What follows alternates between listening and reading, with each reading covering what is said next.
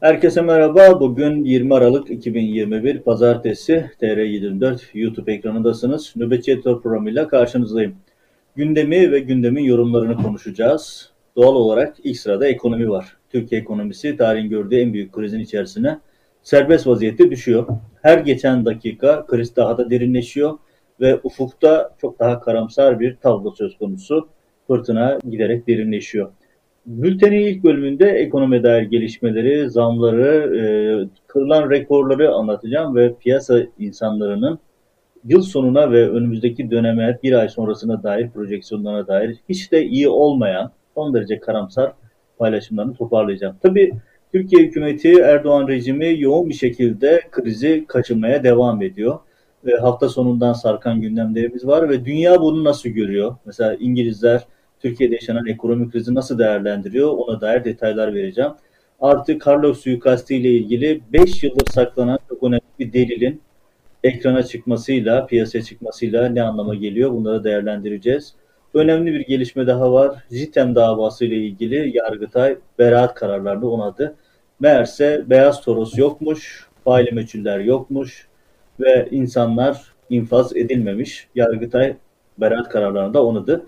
Başka gündemlerimiz de var. Sosyal medyanın çok konuştuğu Hülya Avşar'ın simit yiyeceksiniz ifadesi. Simit yiyeceğiz değil. Çünkü orada simit yiyeceğini söylemiyor. Yiyecek, yenecek deniyor. Yani ben yemeyeceğim ama siz fakirler yiyeceksiniz diyor Hülya Avşar. Ona dair de detaylarım var. Ee, dolayısıyla dolu dolu bir gündemle karşınızdayım. Evet gündemin ilk maddesi söylediğim gibi ekonomi. Doğal olarak ekonomi. Çünkü gerçekten Türkiye ekonomisi tarihin en derin krizin içerisine düşmüş vaziyette ve işin kötüsü ekonomik krizin nereye doğru evrilmek, öngörmek de mümkün değil. E, nereye doğru gideceği konusunda ekonomistlerin de, bürokratların da bir öngörüsü yok. Çünkü Erdoğan'ın yemin etmişçesine Türkiye'yi batırmak gibi bir takım planı, programı, projesi olduğu ortaya çıkmış gözüküyor. Çünkü özellikle hafta sonunda yaptığı bazı açıklamalar başka bir anlam ifade etmiyor.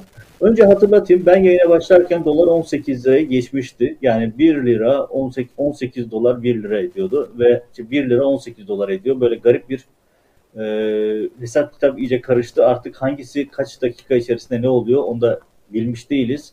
Ama euro 20 lirayı geçti, dolar 18'i geçti ve hızla rakam negatife doğru dönüyor. Yani aslında değişen doların euronun parası değeri değil, Türk lirasının zayıflaması, Türkiye'nin fakirleşmesi ve enflasyon da hızla 3 haneli rakama ulaştıyor. Geçen hafta %87 gibi rakamlar açıklayan e, ekonomistler vardı dünya çapında ki birazdan detaylar aktaracağım. Bugün itibariyle %138'e çıkardılar Türkiye Türkiye'deki enflasyon değerlendirmesini. Peki ne oluyor? Bütün bu esnada neler yapıyor iktidar? Önce şunu hatırlatayım. Daha önceki programlarda da ifade etmeye çalıştım. Türkiye hızla seçim sürecine giriyor. Enflasyon oranındaki o rakamlar, dövizdeki rakamlardan ziyade iktidarın kendine ait bir ajandası var. O da e, piyasaya yalancı bir bahar estirmek. İşte merke, e, geçen hafta açıklanan asgari ücret %50 gibi bir zam yapıldı ve 4 bin liranın üzerine çıkartıldı. E, akabinde başka düzenlemeler geliyor. Emeklilere yönelik bir takım düzenler var ve vergi muafiyetleri geliyordu. İşte bugün e, açıklanan yeni bir vergi muafiyeti var. 18,5 milyon işçi ve memur için de vergi muafiyeti getiriliyor. Yani geçen hafta açıklanan e, asgari ücretteki vergi indirimi muafiyeti bütün ücretlilere yayılacak. Çünkü zaten yayılmak zorundaydı orada absürt bir durum söz konusuydu. Sadece asgari ücretlere vergi muafiyeti sağlanması diğer ücretliler için de bir anayasal sorun oluşturuyordu. Bu sorun ortadan kaldırılıyor ve böylelikle e, vergi indirimi 18,5 milyon işçi ve memur için geçerli olacak. Bu işçi ve memur için e, pozitif bir şey gibi algılanabilir ama aslında değil. Yani gerçekten e, bunun akabinde Türkiye'de enflasyon patlaması ve büyük oranda işsizlikler yaşanacak. Çünkü kamu çok büyük bir kaleminden, gelir kaleminden e, muaf tutul, e, feragat etmiş oluyor ve bu feragatı bir yerden karşılamaları gerekecek. Ekonomistler diyor ki bunun karşılığında fazla para basma, enflasyonun artması ve işsizlik dalgası geliyor. Bu da bu kararın Erdoğan rejiminin seçim yatırımlarının bir sonucu diye e, değerlendiriyor uzmanlar. Bu da e, oldukça dikkat çekici. Tabii pazartesi gününü daha da hassas hale getiren, ekonomi piyasaları açısından daha da kırılgan hale getiren konu Erdoğan'ın hafta sonu yaptığı açıklamalar. Erdoğan e, sürecin başından bu yana yangına körükle gidiyor. Yani ekonomi biliminin tüm uzmanları bir e, değerlendirme yapıyor. Ekonomi bir bilimdir, mühendislik gibi kesin kuralları vardır. Ve burada e, atılması gereken adımlar bellidir, yapılması gereken işlemler bellidir. Ama Erdoğan bunu tam tersini uygulamaya devam ediyor. Hatırlarsınız geçen hafta dünyanın 51 ülkesinde merkez bankaları faizle ilgili karar aldılar. Sadece Türkiye'de faizler düşürüldü. 50 ülkede ya arttırıldı ya da sabit tutuldu. Çok azı sabit tuttu, çoğunluğu arttırdı. Yani bir tek Erdoğan herkesin tersine gidiyor. Ve Erdoğan hafta sonu dedi ki İlim Yayma Vakfı'nın e, Dolmabahçe Sarayı'nda biliyorsunuz artık iktidar e, yandaşı vakıflar e, saraylarda gösterişli programlar yapıyorlar. Onlardan bir tanesi de İlim Yayma Vakfı'nın Dolmabahçe Sarayı'ndaki İlim Yayma Akademi Ödülleri töreniydi. Erdoğan orada yine coştu. E, ve orada dediği şey şuydu. E, biz NAS'a bakarız. Yani dini kurallara bakarız. Dini kurallar neyse öyle yaparız. Başka türlü de yapmayız. Yani bu zaten şu e, yanlış politikanın ısrarla devam edeceğinin de bir ifadesi. Tabii ki orada herkesin eleştirmesi gereken başka tonla şey var. Neden? Dini kurallar 2021'de inmedi. Ee, Erdoğan rejimi 20 yıldır iktidarda ve 20 yıldır faiz konusunda başka bir politika istiyor. Yani bugün bu konuyu ifade etmiş olması tamamen çöken ekonomi, dini kurallar kavga e, noktasına getirmek gibi bir hedefi var görünen net bir şekilde o. Yani dinin arkasına sığınıyor Erdoğan. Din böyle emrettiği için biz bunları yapıyoruz şeklinde bir takım açıklamalarla kendi batırdığı ekonomik düzenin e, kamuflajını yapıyor. Böyle bir açıklaması var. Tabii orada Erdoğan'ın başka skandal açıklamaları da var. E, hani ekranlardan bunu ifade etmek çok şık değil. E, ama konuşan ülkenin Cumhurbaşkanı mecburen biz de aktarmak zorundayız. Eleştirilere cevaben dedi ki anırsalar da elhamdülillah doğru yoldayız. Hani anırmak ifadesi e, çok normal bir ifade değil. Hayvanlar için kullanılan bir ifade ve Erdoğan kürsüden bunu canlı yayınlanan programlarda herkese söylüyor. Anırsalar da dediği kişi de ki kişiler de ekonomiyle ilgili eleştiri yapan kişiler. E, doğal olarak o sınıfa toplumun çok büyük bir kısmı giriyor. O konuya dair yap, yorum yapan herkes giriyor. Ama düşünün ülkenin Cumhurbaşkanı'nın ekonomiyle ilgili yorumu bu. Anırsalar da elhamdülillah doğru yoldayız diyor. Ve aldıkları kararları dini kurallara bağlıyor. Yani buradan tabii bugün muhalefetin de çok yoğun eleştirileri vardı bu konuda. Batırdığı ekonomik düzeni dini e, argümanlarla kamufle etmeye çalışıyor Erdoğan. Bu da çok ciddi bir çatışma iyi göze aldığının da delili. Çünkü Erdoğan'ın çatışmaya ihtiyacı var. Hep söylüyoruz. Erdoğan çatışma dönemlerinden beslenen bir siyasetçi. Şimdi de aynı şeyi dini din, din karşıtlığı noktasında çatışmaya götürmeye çalışıyor. Ekonomik krizi bu şekilde gözden kaçırmaya çalışıyor. Erdoğan'ın konuşmasında dikkat çekici bir şey daha vardı. Hayli dikkat çekiciydi. Hani birkaç noktadan söylüyorum Erdoğan akli melekeleri konusunda hayli düşündürücü adımlar atıyor. Zaman zaman e, esneklik olarak, zaman zaman kıvraklık olarak bildiğimiz hızlı dönüşleri dışında bir de unutma sorunu var. Çok sık unutmaya başladı Erdoğan. Bunlardan bir tanesi de şu. E, çok sık konuşulan 128 milyar dolar hazinenin e, çarçur edilen e, Berat Albayrak ve AKP rejiminin hortumladığı 128 milyar dolarla ilgili Erdoğan bugüne kadar değişik başlıklar açmıştı. Bunlardan bir tanesi işte hazinede duruyor yerli yerinde falan demişti. Diğerinde salgında harcadık demişti. Değişik açıklamalar yapmıştı. Yani Erdoğan yapmıştı bu açıklamaları da. Şimdi o açıklamaların hepsini unutmuş ve şöyle bir açıklama yaptı. Dedi ki Başbakanlığın döneminde 135 milyar dolara çıkardık.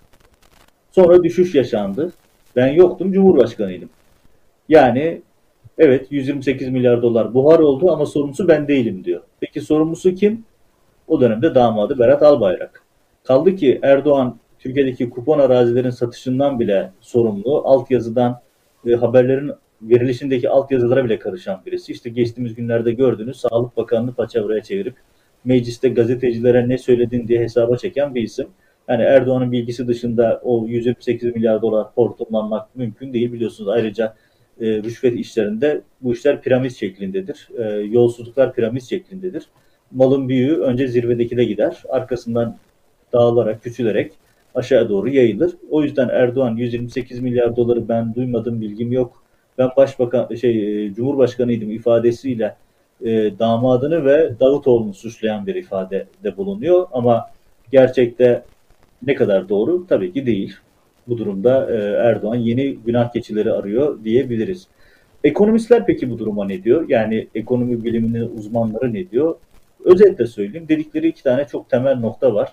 Bir tanesi şu, yani hükümetin attığı adımların sonucunda enflasyon, fiyatlar, faizler, kurlar yani kriz, kriz derinleşecek. Çok daha derin bir hale gelecek ve bunun akabinde seri iflaslar, seri işsizlik, işten çıkarmalar başlayacak.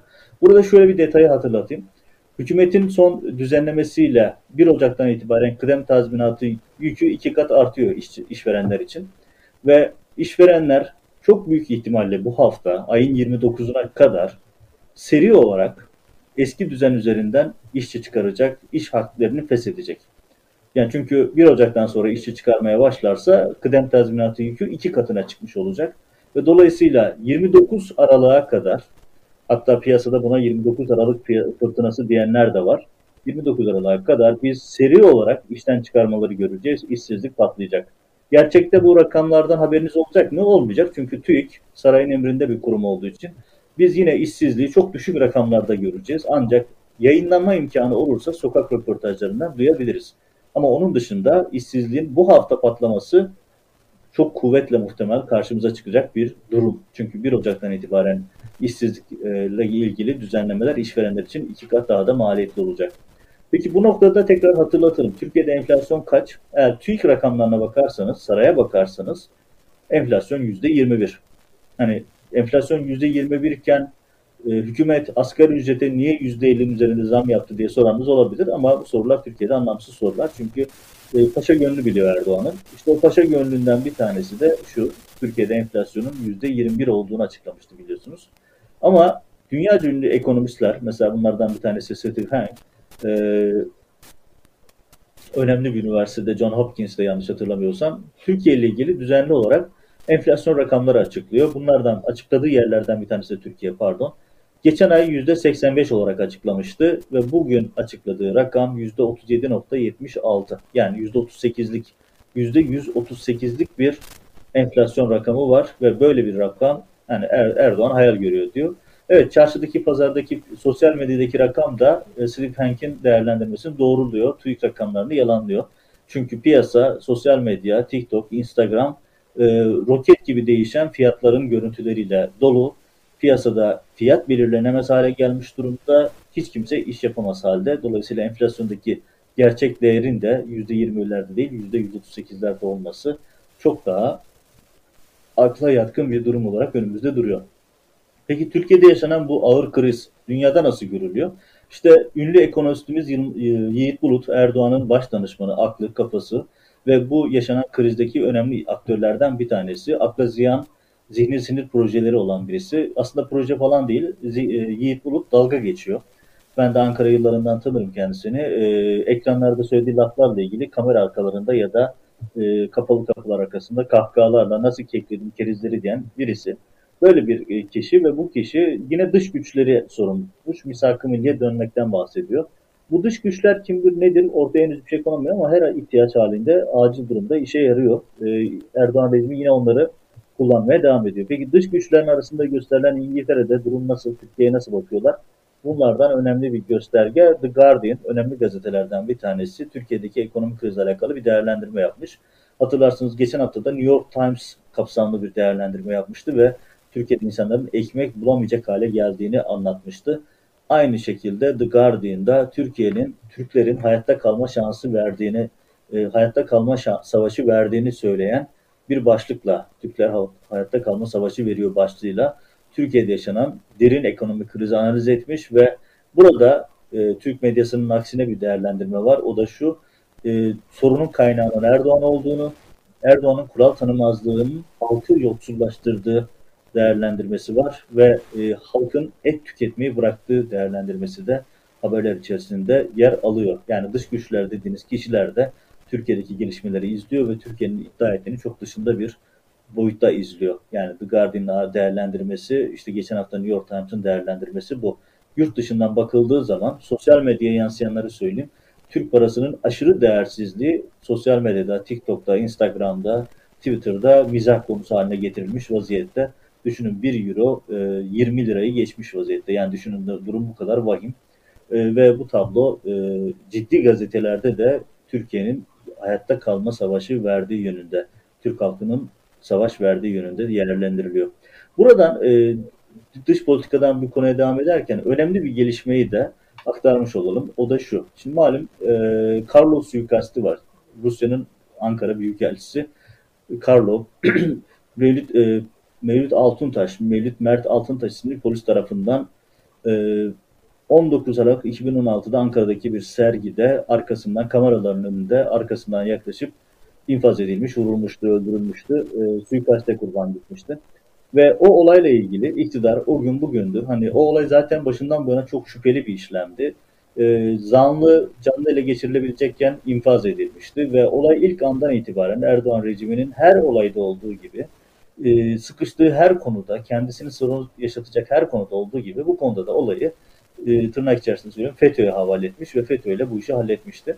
Ve o gün bugündür bu söylem nakarat devam ediyor. Akla ziyan senaryolar eklendi ki Melit e, Altıntaş'ın hem suikast esnasında söyledikleri hem daha önce sosyal medya paylaşımları hem de notları zaten söyledikleri kendisinin radikal akımlardan etkilendiğini, özellikle hükümetin desteklediği bir takım e, tırnak içerisinde söylüyorum hocaların etkisinde kaldığı gözüküyordu. Nurettin Yıldız bunlardan bir tanesi. İşte 5 yıl sonra, daha doğrusu 5 yıldır kamuoyundan saklanan bilgiler ortaya döküldü. O da TV'nin bir haberi. Haberde e, ilk gün ortaya çıkan ve saklandığı kısmını özellikle söylüyorum. Çünkü bu veriler yeni bulunmuş değil. O gün aslında bulunmuş ama 5 yıldır saklanıyor. E, Carlos suikastinden hemen sonra otelde Mert Altıntaş'ın kaldığı otelin 204 numaralı odasında yapılan aramada ele geçenlerin görselleri ortaya çıktı. Burada neler var? İşte Altıntaş'ın yazdığı, el yazılı yazdığı notlar var. Ve orada açıkça radikalleşme sürecinde örnekleri var, göstergeleri var. Yani nasıl bir psikolojiyle hareket ettiğini gösteriyor. Çantasından başka e, El-Kaide'ye yakın isimlerin kitapları ve özellikle Nurettin Yıldız'ın kitapları da var. Ve bunların hepsi 5 yıldır saklanıyor. 5 yıl boyunca bu konuyu FETÖ'ye havale edip iş içinden çıkmaya çalışmıştı Erdoğan rejimi. Ama e, görüldüğü gibi hem kamuoyundan hem mahkemelerden hem de Ruslardan saklanan bir takım dosyalar, detaylar söz konusu. Tabii bu noktada şunu da hatırlatmakta fayda var. İlk günden bu yana Ruslar FETÖ masalına inanmadılar. Hatta bu konuda hiçbir açıklama yapmadılar. Hatta hiçbir şekilde FETÖ hikayesi Rusların ağzından çıkmadı. Ruslar Carlos suikastinin arkasındaki motivasyonu biliyorlar ama bunun akabinde bunu Erdoğan'a karşı bir koz olarak kullanıp ülke çıkarlarına hizmet ettirdiler. Onlar yoksa FETÖ satın, satın aldı, FETÖ e, masalını satın almadılar ve bugüne kadar bir kez olsun bu konuda FETÖ demediler. Dememiş olmaları zaten hikayenin nasıl bildiklerini de gösteriyor. Ve akabinde bunu Türkiye'yi köşeye sıkıştırmak için nasıl kullandıklarını da teyit ediyor. İşte gördüğünüz gibi çok kritik bir dava, çok kritik bir konu ve böyle bir konuda en temel delil, ya olay yeri incelemesinde ele geçen, dosyada ilk sayfalarda olması gereken fotoğraflar, notlar 5 yılda saklanıyordu ve bugün ortaya çıkabildi. Bakalım başka hangi gerçekleri biz daha ilerleyen dönemlerde görmüş olacağız. Buradan tekrar Türkiye içerisindeki ağır ekonomik krize bir dönelim. E, çünkü ben yayın esnasında devam ederken artışlar devam ediyor. E, dolar ve euro kastetmiyorum. Her alanda zam yağmuru var. İşte bunlardan bir tanesi de akaryakıt. Benzin ve motorin 12 liranın üzerine çıktı. Artık rutin olarak her gün astronomik zamlar geliyor. Ee, mesela motorun fiyatına 55 kuruş, LPG'ye 57 kuruş zam gelmiş ve daha e, hangi gün önce vermiştik? Birkaç gün önce biz yine e, 69 kuruş, Cuma günü vermiştik evet. Cuma günü 69 kuruş, e, motoruna 1 liranın üzerinde zam yapılmış, LPG'ye 70 kuruş zam yapılmıştı. Bugün pazartesi aynı oranda bir zam daha yapılıyor ve böylelikle e, benzinin litresi 12.23 liraya çıkmış oldu. Motorunun 12.2, LPG'de 9.27. Bu şartlarda nasıl benzin alınır, nasıl kullanılır takdiri yorumu size bırakıyorum ama e, iki günde bir astronomik zam geldi. Bundan sonra gelmeye devam edecek. Çünkü yayının başından beri anlatıyorum. Hiçbir ekonomist Türkiye'de yaşanacak çöküşü öngöremiyor. Yani nerede duracak? Dolar 20 mi olacak, 50 mi olacak, 100 mü olacak sorusuna kimse olmaz diyemiyor. Bu çok vahim bir tablo. Yani dolar 50 lira olursa şaşırmayın, 100 lira olursa şaşırmayın diyen insanlar da var. Ve toplu iflaslar, toplu işten çıkarmalar önümüzdeki günlerde sıklıkla. Umarız yanılırız ama yanılmamız pek ihtimal dahilinde değil. Çünkü ekonomi biliminin bir gerekleri var. Bu da onu gösteriyor. Bu da çok vahim bir tablo. Buradan yine e, sosyal medyada çok konuşulan iki başlığa geçeyim. E, gerçekten de çok konuşulması gereken vahim bir tablo. Habertürk Ankara temsilcisi Muharrem Sarıkaya ve AKP'li Antep Belediye Başkanı Fatma Şahin. Habertürk televizyonunda 17 Aralık'ta bir televizyon programı yapıyorlar. Programın kamera arkası dün sosyal medyaya düştü ve çok yoğun bir tartışma başlattı. Çok vahim görüntüler. Muharrem Sarıkaya İhlas Haber Ajansı'nın muhabirini tokatlıyor yayın esnasında ve yayın esnasında tokatlarken e, hiçbir şey olmamış gibi Fatma Şahin yayına devam ediyor. Yani düşünün Muharrem Sarıkaya İhlas Haber Ajansı'nın muhabirini tokatlıyor. Görüntüleri gördünüz, izlediniz. Görüntülerin devamı daha da vahim. En sonu çok daha vahim. Yani Fatma Şahin, Muharrem Sarıkaya, İhlas Haber Ajansı. Hangi birine ne diyeceksiniz? İnsan gerçekten şaşırıyor. Oradaki tek kişi, tek masum kişi İhlas Haber Ajansı'nın oradaki muhabiri. Ama onun dışındaki herkes burada vahim derecede hatalı, suçlu, utanılacak işlere imza attılar. Önce Muharrem Sarıkaya'dan başlayalım. Ben Muharrem Sarıkaya'yı Ankara'dan yakın tanırım. Uzun yıllar Ankara temsilciliği yaptığım dönemde çalıştım, gördüm. Ee, kendisi problemli bir kişilik. Yani Ankara piyasasında herkes kendisinin psikolojik olarak tedavi edilmesi gerektiğini bilir. Ee, bu, bu konu çok yaygın olarak bilinen bir vakadır. Kendisi kabul etmez. Zaten kabul etmemesinin nedeni psikolojik sorunlarının bir parçası.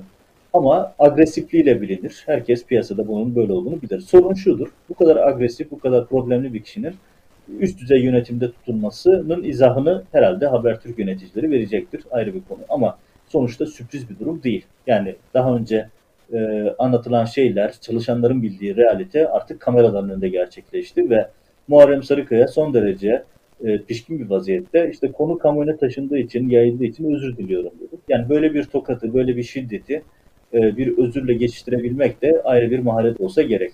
Şimdi Muharrem Sarıkaya'nın durumu bu.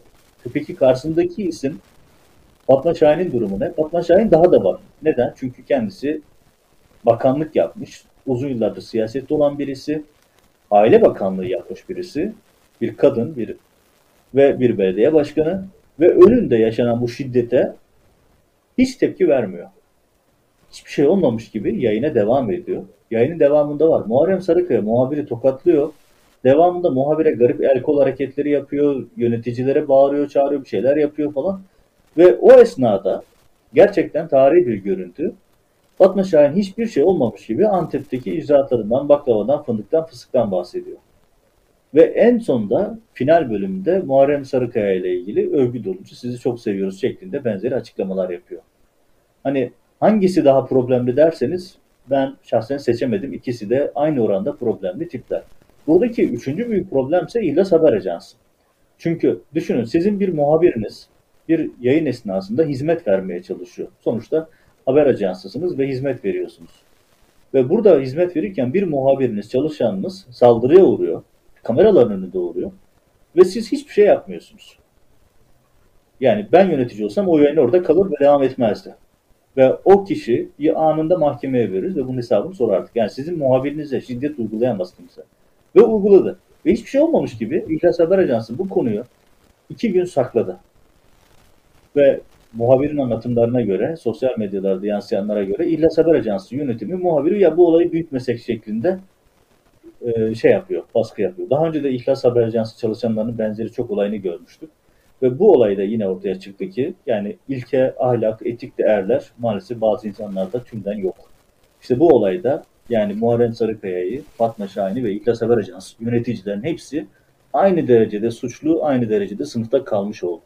Bakalım bu olay burada kalacak mı? Ki muhtemelen kalacak. Çünkü daha önce de benzeri skandallar gördük. Yani Muharrem Sarıkaya'nın ettiği küfürleri hatırlayın ya da işte Fatma Şahin'in e, öküze bakar gibi bakıyorlar şeklindeki bir yoruma kahkaha attığını hatırlayın. Maalesef Türkiye'de siyasetteki ilkesizlik medyayı da içine aldı ve her şekilde devam ediyor. Bakalım bu durum ne kadar üstü örtülecek ama karşımızda perdesiz bir Türkiye realitesi bir olay üzerinden siyaset, medya denkleminde bütün boyutlarla önümüze dökülmüş oldu. Sosyal medyanın diğer bir gündemi çok yoğun bir şekilde konuşulan medyanın da gündemi olan Hülya Avşar'ın simit yenecek ifadesi. Hemen düzeltme yaparak başlayayım. Çünkü Hülya sosyal medya medyaya gerekirse simit yeriz şeklinde bir şekilde transfer e, görüş ifade edilmiş. e, herkes birbirinden kopyaladığı için artık kimse haberleri doğru mu yanlış mı çek etmiyor. Bunlardan bir tanesi de bu işte. Hülya Avşar'ın metnini e, dinleyin, konuşun. Çok kısa bir konuşma zaten. Ne diyor? Gerekirse simit yenecek diyor. Yani mealen tırnak içerisinde söylüyorum. Yani siz fakirler simit yiyeceksiniz, bulabilirsiniz yersiniz. Çünkü simit ekmekten pahalı şu anda. Ama bizler zaten servetimize servet katmaya devam ederiz demeye getiriyor. Hani bu nedir? Bu saray yalakalığıdır. Biliyorsunuz saraylar ne kadar büyükse soytarılar o kadar çoktur. İşte Türkiye'nin de realitesi bu.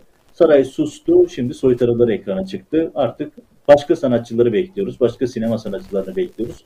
Bu tip açıklamaların akabinden de dönüp TRT'den ya da devlet kurumlarından yüklü miktarda ihaleler, yüklü miktarda programlar almaları da kaçınılmaz. Nitekim CHP lideri Kemal Kılıçdaroğlu da bu açıklama üzerine bir açıklama daha yapıp tepki gösterdi. Yalaka'dan sanatçı olmaz dedi. Yani Yalaka'dan kastın kim olduğu ortada. Evet, bu noktadan ekonomiyle ilgili iç karartıcı haberler, daha çok fazla iç karartıcı haberler var ama bunları tek tek uzun uzun anlatmak yerine sonucu söyleyeyim. Yoğun bir ekonomik çöküş bizi bekliyor. İşsizlik furyası, yüklü enflasyon, hiperenflasyon ve tamamen bile bir Türk hali söz konusu. Hani Amerikalıların tarihinde yer alan büyük buhran var. 1920'lerin sonunda yanlış hatırlamıyorsam. O büyük buhranın Türkiye'deki versiyonunu biz yaşıyoruz, yaşamaya devam edeceğiz. Çünkü e, görünen o başka bir yolda çıkmıyor. Böyle bir noktadayken yani Türkiye insanı ekmek kuyruklarında, çöp tenekelerinde ekmek toplarken, ararken bir de saray çevresinde yaşayanların hali var ki bu aslında realitenin esası, dibi. Ne gibi? Sar- e, Sayıştay'ın az da olsa yayınlanabilen ya da daha doğrusu az da olsa denetlenebilen, e, yapılabilen denetimlerinden bir tanesinde ortaya çıkan bir veri. Bugün ortaya çıkan veri şu. Saray müteahhitleri var biliyorsunuz. Beşli çete ve onun yan kolları. Bunlar yağmur da yağsa, güneş de açsa, soğuk da olsa, sıcak da olsa her şekilde kazanan kitle. Her şekilde para onların cebine akıyor. Tabi oradan da saraya akıyor. Çünkü biliyorsunuz onlar sadece aracı, asıl büyük patron saray. Bunu da işte 25 Aralık operasyonu yıl dönümü geliyor. Buradan gördük. O operasyon yapılabilmiş olsaydı Türkiye'deki yolsuzluk çarkı bütün boyutlarla ortaya dökülmüş olacaktı. Operasyonu yaptırmayan Erdoğan o tarihten sonra yolsuzluk çarkını daha da gelişti, daha da büyüttü. İşte onlardan bir tanesi Kuzey Marmara Otoyolu'nun trafiğe açılmayan bölümü. 154 gün boyunca trafiğe kapalı olmasına rağmen buraya 30 milyonluk araç giriş ödemesi yapılmış. Yani yolu açmamışsınız. Açılması gereken tarihte yol açılmamış. Ve açılmayan bölüm için para ödüyorsunuz. Dahası yetmeyen bir şey var. E, Sayıştay'ın denetimlerinde olan bir detay. E, Kınalı Oda Yeri kesiminde yer alan, hani Kuzey Marmara Otoyolu'nun Kınalı Oda Yeri kesiminde yer alan Habibler Hastal bölümünde. Şimdi önce şunu yapıyor iktidar. E, geçiş süresini uzatıyor. 1742 günden 4527 güne astronomik bir artış. Bunu İstanbul Havalimanı'nda da yaptılar. Bütün projelerde yapıyorlar. Geçiş süresi gibi, garanti süresi gibi, araç, araç sayısı bir şeyleri sürekli arttırıyorlar. Çünkü iktidarın e, yandaş müteahhitlerle, saray çeteleriyle anlaşmaları bu şekilde. Dolar cinsinden, euro cinsinden bu komisyonlar veriliyor ve hepsi Erdoğan akıyor bildiğiniz gibi. Ve akabinde şu oluyor. E, daha da ilginç bir şey yapılıyor. 21 Mayıs 2021'de hizmete açılan yol 154 gün önce yani kapanlı olduğu halde 154 gün boyunca açılmış ve oradan her gün binlerce araç geçmiş gibi geçiş ücreti saraydaki müteahhitlere, beşli çeteye ödeniyor. Dediğim gibi oradan da saraya akıyor. Yani Türkiye yıkılsa, yakılsa, insanlar ekmek kuyruğunda ölse, açlıktan insanlar intihar etse bir kural değişmiyor. Vurgun, vurgun düzeni. Bu düzen hiçbir şekilde değişmiyor ve burada sürekli olarak uçandan kaçandan her yerden bir ko bir komisyon, bir pay Erdoğan'ın yandaş müteahhitlerine oradan saraya akıyor. Yağma düzeninin boyutu. Kapalı yoldan bile geçiş garantisi alıp bunu hiç aksatmadan ödediler. İşte efsaneye dönen bir Kütahya Havalimanı var. Başka hava yolları, e, havalimanları, demir yolları var. E, yabancılara satılan limanlar vesaire var. Buralarda da hiçbir şey değişmiyor. Maalesef bir Türkiye realitesi bu ve dediğim gibi ülkede her şey değişse de değişmeyen tek şey yağma düzeni. Buradan esaslı bir gündeme geçelim. Fransız ordusunun bir değerlendirmesine geleceğim. Bu Türkiye'de bizim anlatmaya çalıştığımız ama ne Erdoğan'ın ne de medyasının ısrarla gündeme almadığı ya da işte kendine aydın demokrat olarak tanımlayan insanların görmezden geldiği bir gerçeği Fransızlar söylemişler. Söyledikleri şey şu, 15 Temmuz sonrası bu çakma kumpas darbeden sonra yaşanan tasfiyeler sonrasında Fransız ordusunun resmi raporu bu. Pardon Fransız Düşünce Kuruluşu'nun Fransız ordusuyla yaparak yaptığı, görüşerek yaptığı bir çalışma ve oradaki sonuç şu, Türk ordusunda çok ciddi bir güç zafiyeti söz konusu ve bunun sebebi tasfiyeler. Düşünün 25 binden fazla subay, asubay ki bunların yüzde kurmay subaylarının yüzde doksanı tasfiye edildi ve bunlardan sonra Türk ordusunun çok ciddi bir güç kaybına uğradığını Fransızlar da anlatmışlar. Önemli bir detay. Buradan Amerika'ya geçelim. Yine Erdoğan rejiminin illegal faaliyetlerine dönük önemli bir adım atıldı hafta sonu Amerika'da. Ee, önümüzdeki günlerde Başkan Joe Biden imzalamasıyla birlikte artık iş resmi bir noktaya evrilecek. Nedir? Ee, biliyorsunuz Türkiye dünyada en fazla kırmızı bülten çıkartan, en fazla yakalama kararı e, talep eden ülke. E, öyle ki bir gecede 70 bin civarında kişiyle ilgili kırmızı bülten çıkartıyor. Düşünün ülkeler kırmızı bültenleri Usama Bin Laden gibi, e, Çakal Carlos gibi kişilere çıkartır. Yani böyle çok üst düzey kriminal insanlara, suçlara, teröristlere çıkartılır. Ama Erdoğan rejimi her muhalefete çıkarıyor, her muhalif isme çıkarıyor. Bunlardan bir tanesi de benim. Yaptıkları her haber gazeteciler için bir kırmızı bülten çıkarılma nedeni. Bugüne kadar bu konuda dünya e, bazı ülkeler Erdoğan'ın taleplerine uydu, bazıları bunları uygulamadı ama sonuçta Amerika hafta sonu önemli bir adım attı ve yeni bir yasa tasarısı var. Bu tasarı içerisinde adı da e, TRAP, Uluslararası Baskı Sorumluluğu ve Önlenmesi e, yasası ki kongreden geçti ve bu yasayla Interpol'ün muhalifleri yıpratma aracı olarak kullanılmasının önüne geçilmesi hedefleniyor. Bir takım yaptırımlar var. Önemli bir gelişme. Kuvvetle muhtemel de bugün yarın başkan tarafından imzalanmasıyla birlikte bu konu artık yasaya geçmiş olacak ve hem siyasi muhalifleri hem de gazetecileri, akademisyenleri korumayı hedefleyen bir yasa tasarısı e, istismarın önüne geçmeye hedefliyor. Önemli ve biraz da gecikmiş bir yasa tasarısı ama sonuç itibariyle de önemli bir yasa tasarısı. Yani Türkiye kafasına göre her istediği kişiyle ilgili kırmızı bülten talebinde bulunamayacak, bulursa yaptırımla karşılaşacak. Bu Türkiye'nin uluslararası arenada durduğu yeri göstermesi açısından önemli bir nokta daha. Gündemin son maddesi aslında bir numaralı madde, madde olmaya aday son derece vahim bir durum. Ee, ve Türkiye'de yaşanan çöküşün en somut delillerinden bir tanesi. Hani ekonomik çöküş, siyasi çöküş, ahlaki çöküş her yerden büyük bir çöküş yaşanıyor ama asıl dönüşümün yani hani Ahmet Altan'ın meşhur tabiri var ya hırsızlarla katiller kol kola girdiler ülkeyi götürüyorlar diye. İşte tam olarak onun tescillendiği bir başka dava. Yargıtay 1. Ceza Dairesi cidden Cizre davası olarak bilinen dosyayı resmen kapattı. Cizre İlçe Jandarma Komutanı Albay Cemal Temizöz, emekliydi kendisi. Ergenekon ve faili meçhuller durumunda tutuklanmıştı. Ve o dönemde daha sonra işte 17-25 Aralık sonrası Erdoğan Ergenekon'la ve MHP'li işbirliğine gidip bütün katilleri cezaevinden çıkartıp e, polisleri, savcıları ve masum insanları cezaevine doldurduğu için e, serbest kalan isimlerden bir tanesiydi. 21, 21 kişinin infazından sorumluydu. Zitem davasında jandarma bölge komutanı, bölük komutanı ve e, Cemal Temizöz'le birlikte o dönemin önde gelen bir takım isimleri. Ve bu isimler e, sarayın köpeği haline getirilen Perinçe'nin tabiriyle e, yargı tarafından aklanmıştı. Düşünün faili meçhullerin şahitleri vardı, deliller, kimlikler çıkıyordu vesaire ama bunlar aklandılar. Çünkü sarayın emrine giren bir yargı vardı ve Yargıtay 1. Ceza Dairesi beraatleri onadı. Yani ne beyaz toroslar varmış, ne faili meçhuller, ne asit kuyuları. Ve böylelikle e, bir dönemin yüz kızartıcı durumu da e, Yargıtay eliyle temizlenmiş oldu. Cemal Temizöz'ün e, aklanması hali de tescillenmiş oldu. Evet Erdoğan rejiminin e, övünerek yapabileceği bir icraat daha. Ve bu aslında dediğim gibi Türkiye'nin en temel gündemi olması gereken konu. Yani Erdoğan'ın Ergenekon'la MHP ile yaptığı işbirliğinin Türkiye'ye getirdiği çöküşün en somut verilerinden bir tanesi ve böylelikle eski rejimin, faili meçhullere imza atan rejimin baş ağrısı dosyalarından bir tanesi saray eliyle, Erdoğan eliyle temizlenmiş oldu. Artık rahatlıkla yeni faili meçhullere, yeni infazlara bakabilirler. Çünkü yargı artık onların bütün suçlarını temizliyor. Evet, 20 Aralık 2021 Pazartesi'ye dair gündeme dair başlıklar ve yorumları bu şekildeydi. Önümüzdeki nöbetçi editörlerde, nöbetçi editör programlarında görüşmek üzere. Hoşçakalın.